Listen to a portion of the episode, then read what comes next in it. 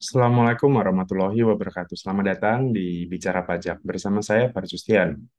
Dalam video kita kali ini, kita akan membahas seputar uh, PPh UMKM ya, PPh final UMKM atau biasanya apa kita sebutnya dengan PPh PP 23 tahun 2018 karena memang aturannya itu PPh UMKM itu ada di peraturan pemerintah atau PP uh, apa tahun 2018 uh, nomor 23 ya gitu. Ini sebagai pengganti dari PP 46 tahun 2014 yang dulu gitu ya sebagai uh, apa namanya?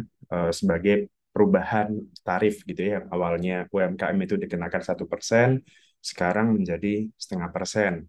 Dan di tahun 2022 ini juga khusus untuk orang pribadi itu kan dapat fasilitas PTKP sebesar 500 juta gitu ya. Jadi kalau misalkan kita UMKM kemudian apa namanya uh, usahanya kita uh, masih di bawah 4,8 miliar dan kita orang pribadi, maka apabila omset kita masih di bawah 500 juta itu tidak perlu membayar pajak gitu ya. Uh, baru membayar pajaknya itu setelah melebihi 500 juta gitu ya. Jadi misalkan uh, ketika omset di bulan ya katakanlah di bulan Agustus misalkan sudah di angka 600 juta, maka uh, selisihnya itulah yang harus di bayarkan gitu ya. Jadi misalkan 600 juta nih. Nah, berarti 600. Jadi omset di bulan itu kira-kira berapa? Uh, katakanlah misalkan di bulan Agustus itu 600 juta. Tapi kemudian uh, total ya, uh, sorry, sampai da, dari Januari sampai dengan bulan Agustus omsetnya sudah 600 juta. Nah, artinya berarti di bulan Januari misalkan sorry, uh, asumsi berarti di bulan Agustus misalkan omsetnya itu 100 juta misalkan. Nah, berarti apa namanya?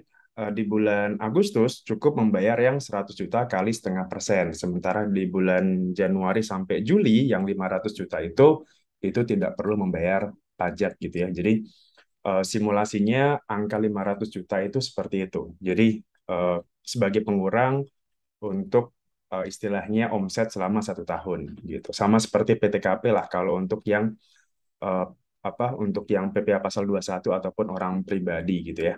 Nah, uh, di sini saya akan menjelaskan sebuah artikel dari DDTC.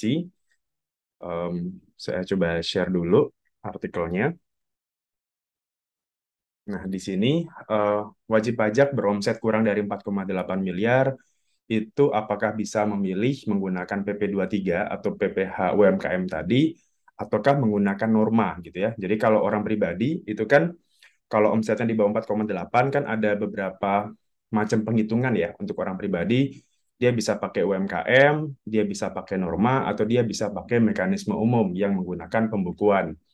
Nah, ini contohnya di sini adalah perbandingan antara kalau misalkan dia UMKM PP 23 tadi atau dia menggunakan uh, norma penghitungan penghasilan neto atau NPPN gitu. Nah, kira-kira bedanya seperti apa?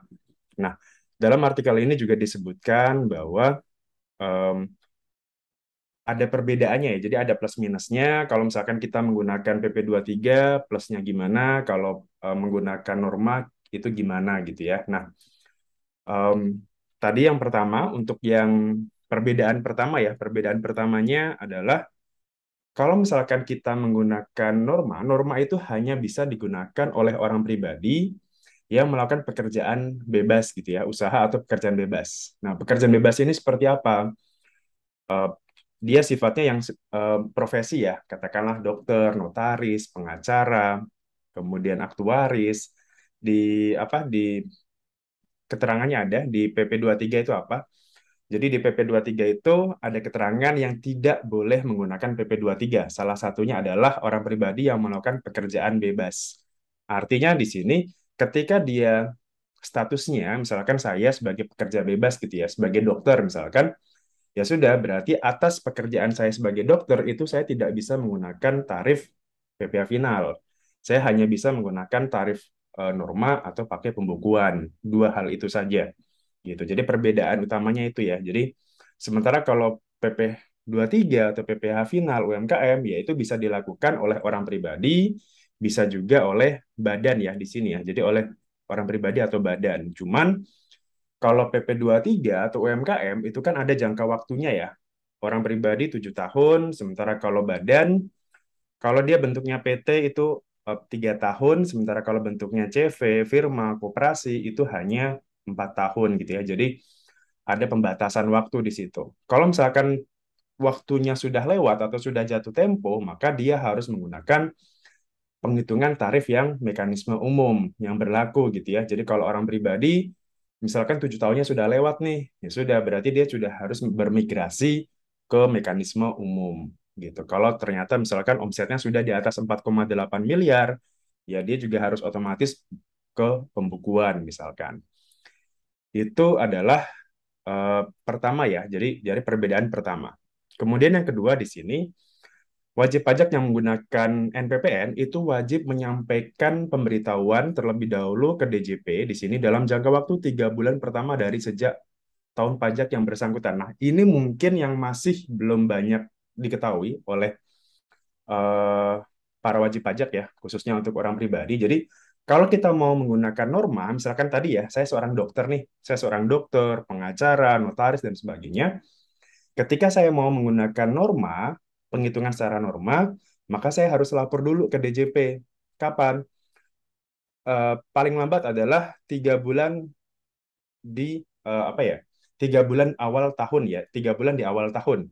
Jadi misalkan saya mau saya mau menghitung pajak saya di tahun 2022 misalkan, maka saya harus melaporkan penggunaan norma itu paling tidak dari Januari, Februari, Maret. Jadi paling lambat adalah 31 Maret saya sudah harus uh, lapor atau permohonan pemberitahuan menggunakan norma. Itu bisa melalui DJP online, bisa juga melalui langsung datang ke KPP, isi formulir di situ.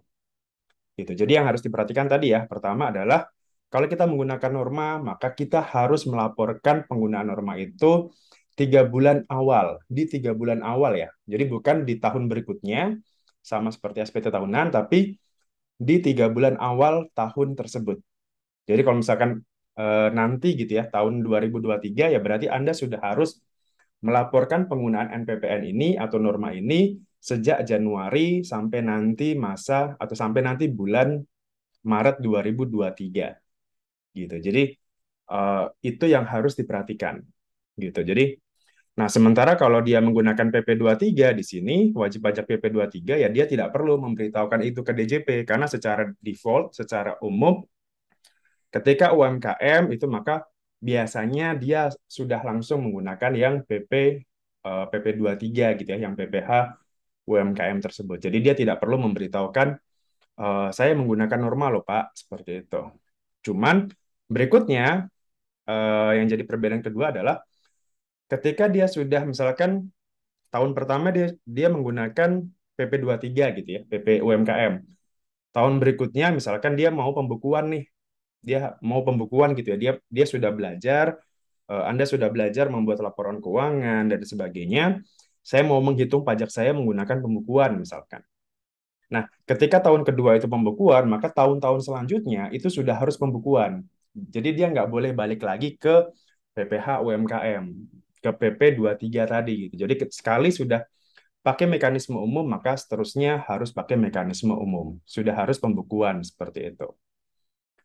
Oke itu ya uh, perbedaannya lagi. Nah kemudian yang ketiga di sini tadi kan satu dan dua. Nah sekarang ketiga adalah apabila seorang wajib pajak menggunakan norma mendapatkan bukti potong gitu ya bukti potong itu maka itu bisa dikreditkan gitu. Jadi silakan aja.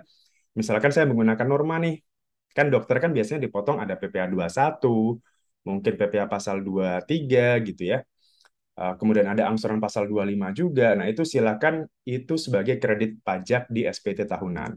Sementara kalau di PP 23 atau PPH final itu dia tidak mengenal kredit pajak. Karena dia sifatnya final ya sudah kita setor selesai. Kalaupun misalkan melibatkan pihak lain, eh, melibatkan rekanan kita misalkan, maka kita bisa mengajukan namanya surat keterangan PP23.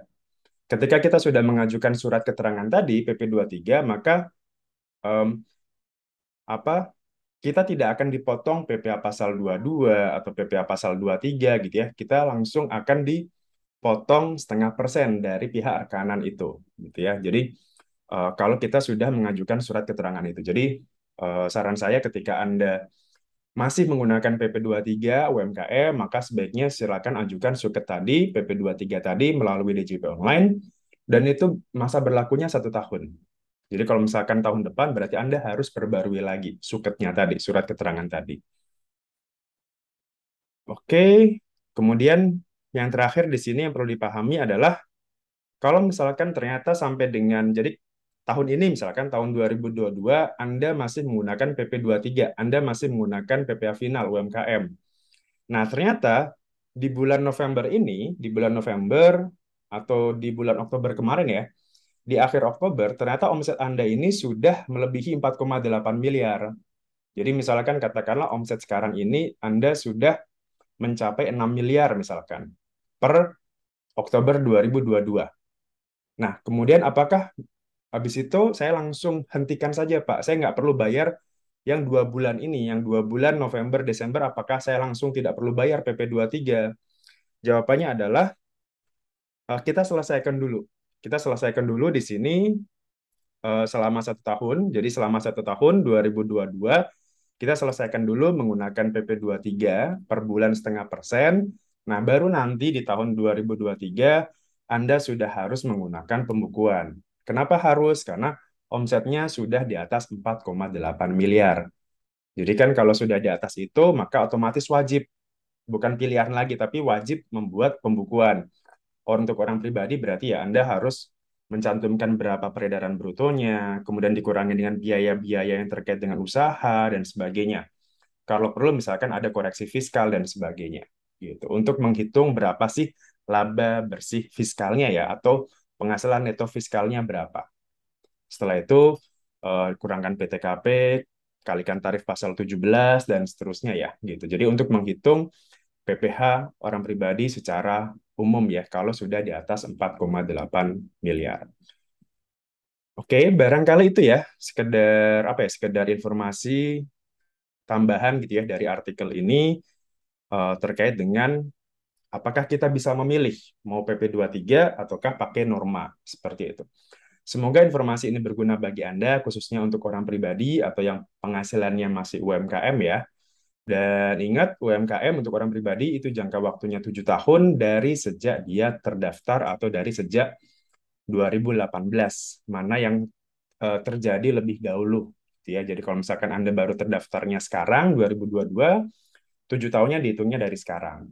Tapi kalau misalkan Anda terdaftarnya sudah lama, sudah dari tahun 2015 misalkan, maka 7 tahunnya itu dihitung dari 2018. Semoga informasi ini berguna bagi Anda. Uh, kita akan bertemu lagi di video berikutnya.